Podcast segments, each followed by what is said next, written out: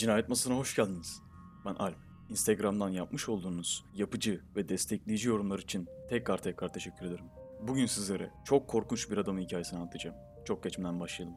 Herman Webster Mudgett, 16 Mayıs 1861 yılında doğmuş. Daha çok Doktor Henry Howard Holmes lakabıyla bilinen kayıtlara geçmiş ilk Amerikalı seri katildir. 1893 Chicago Dünya Fuarı zamanlarında Chicago'da zihninde kurduğu cinayetleri işlemek için özel tasarladığı bir otel açtı. Dördü kesinleşen, itiraf ettiği 27 cinayet olmasına rağmen öldürdüğü insanların sayısı 200 civarındadır. Bilinmeyen sayıda pek çok kurbanı otelinden birkaç kilometre uzaklıkta bulunan 1893 Chicago Dünya Fuarı'ndan almıştır. Kendisi sayısız esere konu olmuştur. Gelelim Chicago ve Cinayet Kalesi'ne. 1886 yılında Chicago'dayken Holmes, Angelwood'daki Dr. I.S. Halton'ın eczanesine gelir. Halton kansere yakalandığından eczaneyi karısı yönetmektedir. Kocasının kanser ünlüsüne gark olmuş Bayan Halton bir yandan da eczaneyi işletmekte güçlük çektiğinden Holmes'e iş verir. Holmes kısa bir sürede iyi bir çalışan olduğunu ispatlar. Halton kanserden ölür ve Holmes cazibe ve ikna gücünü dolu kalmış Halton üzerinde kullanır. Kısa sürede Bayan Halton'u eczaneyi kendisine satmaya ikna eder. Yapılan anlaşmaya göre Bayan Halton eczanenin üst katındaki apartman dairesine kalmaya devam edecekti. Holmes'un teklifi bu yaşlı kadına sanki Tanrı tarafından gönderilen bir fırsattı. Halton bunu kabul eder. Holmes eczanenin eşyalarını ve stoklarını rehin alarak kazandığı parayla eczaneyi satın alır. Kısa bir süre sonra Bayan Halton esrarengiz bir şekilde ortadan kaybolur. Holmes insanlara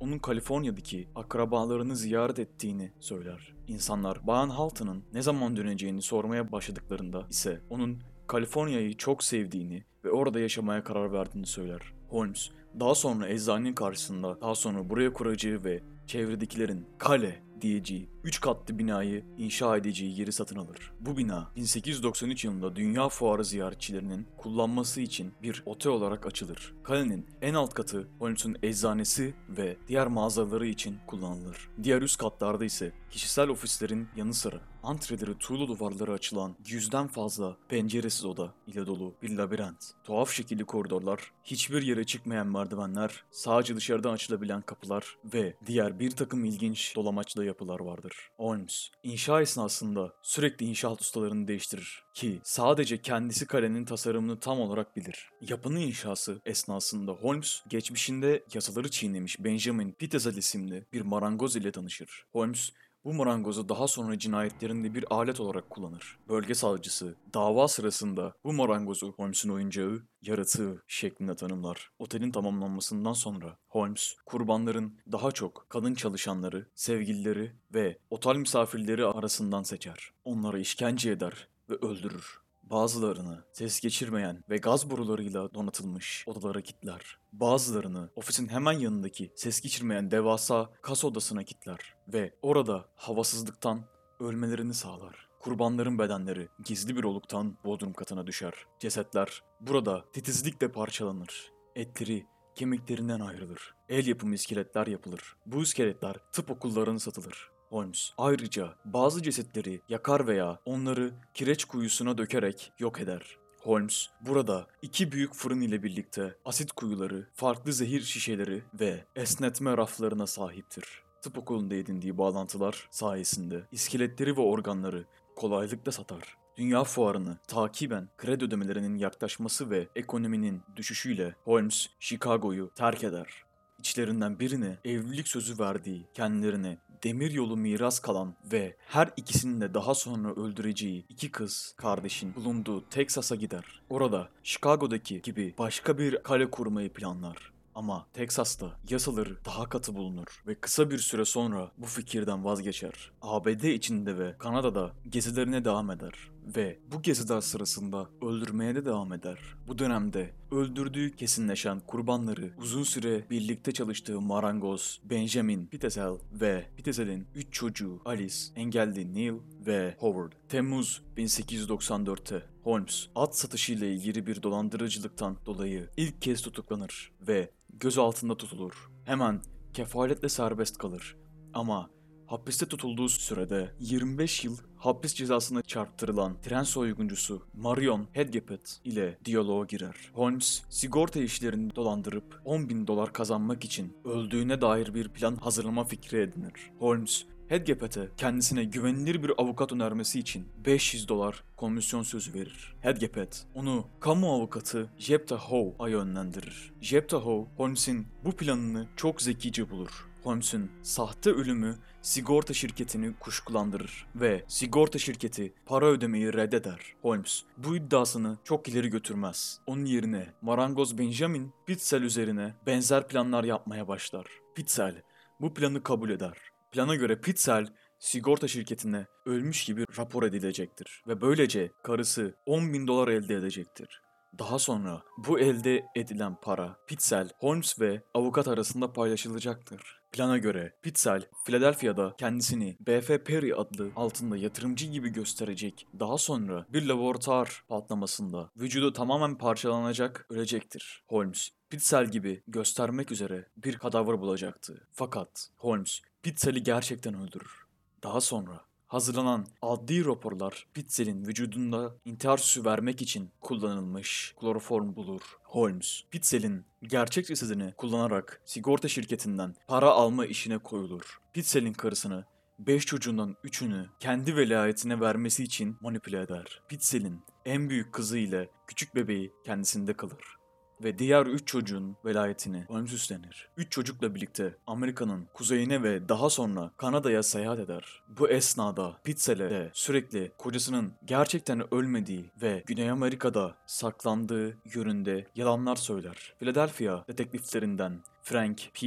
Geyer Holmes'i takibe alır. Pitzel'in iki kızının çürümüş cesetlerini Toronto'da bir bodrum katında bulur. Dedektif daha sonra Holmes'in küçük bir kulübe kiraladığı Indianapolis'e gider. Holmes burada yerel bir eczaneye girer ve üçüncü çocuk Howard Pitzel'i buradan aldığı ilaçlarla öldürür. Ayrıca bir mağazadan cesedi yakmadan önce kesmek için bıçaklar satın alır. Çocuğun dişleri ve kemik parçaları evin bacısında bulunur. 1894'te Holmes'un hapishanede kendisine komisyon ödeme sözü verdiği fakat unuttuğu Marion Hedgept polise Holmes hakkında bilgi verir.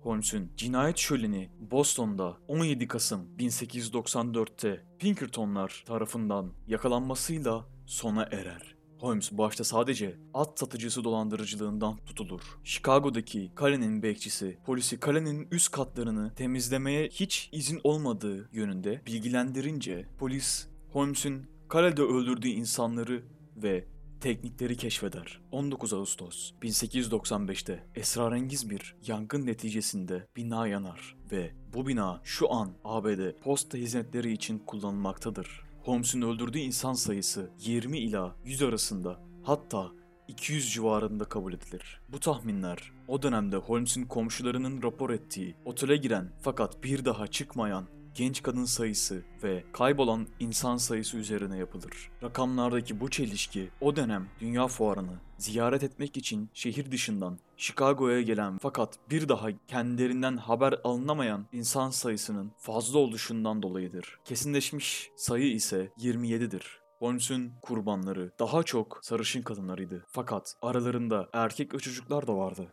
Holmes, Philadelphia'da hapisteyken Chicago polisi de o şehirde işlediği cinayetleri araştırmaya başlar. Philadelphia polisi marangoz Pitzel ve 3 çocuğunun akıbetini araştırır. Philadelphia detektiflerinden Frank Geyer bu çocukları bulmak için görevlendirilir. Detektif çocukların cesetlerini bulabilmek için kalede yaptığı aramalar halk tarafından ilgiyle takip edilir. Çocukların kalıntılarının bulunuşu ile Holmes'un kaderi tayin edilmiş olur. Holmes hakkında Pitzel ve çocuklarını öldürmekten aynı zamanda Chicago, Indianapolis ve Toronto'da 30 civarından cinayet işlemekten dava açılır. Holmes'e cinayetleri anlatması için dönemlik en büyük gazetelerden Hearst tarafından 7500 dolar yani bu para dilimi günümüz için bilmiyorum fakat 2010 parasıyla 210 bin dolar etmekte bu para ödenir. Hayatı hakkında çelişkili ifadeler de bulunur masum olduğu ve şeytan tarafından kullanıldığını iddia eder. Çelişkili ifadelerden dolayı söylediklerinin doğru olup olmadığını teyit etmek araştırıcıları zor durumda bırakır. 7 Mayıs 1896'da Holmes Moymensick hapishanesinde asılarak idam edildi. Holmes ölünceye kadar sakin ve yumuşak başlı davrandı. Çok az korku ve depresyon belirtisi gösterdi. Holmes'un boynu hemen kırılmadı. Aksine idam sehpası itildikten sonra çok yavaş bir şekilde 20 dakikada öldü. Polisi Holmes hakkında bilgilendiren Marion Hedgept affedilir ve serbest kalır. Daha sonra 1909 yılında Chicago'da bir soygun sırasında polis tarafından öldürülür. 7 Mart 1914'te kalenin eski bakıcısının Pat Quinlan'ın da ölümüyle Chicago Tribune Holmes'un kalesinin gizemleri açıklamasız kalacak şeklinde haber yaptı. Quinlan ilaç içerek intihar etti. Quinlan'ın akrabaları kendisinin intihar etmeden önce uzun bir süre uyumadığını ve hayaletler tarafından kovalandığını iddia etti. Beni dinlediğiniz için teşekkürler. Bir dahaki bölümde tekrar cinayet masasında görüşmek üzere.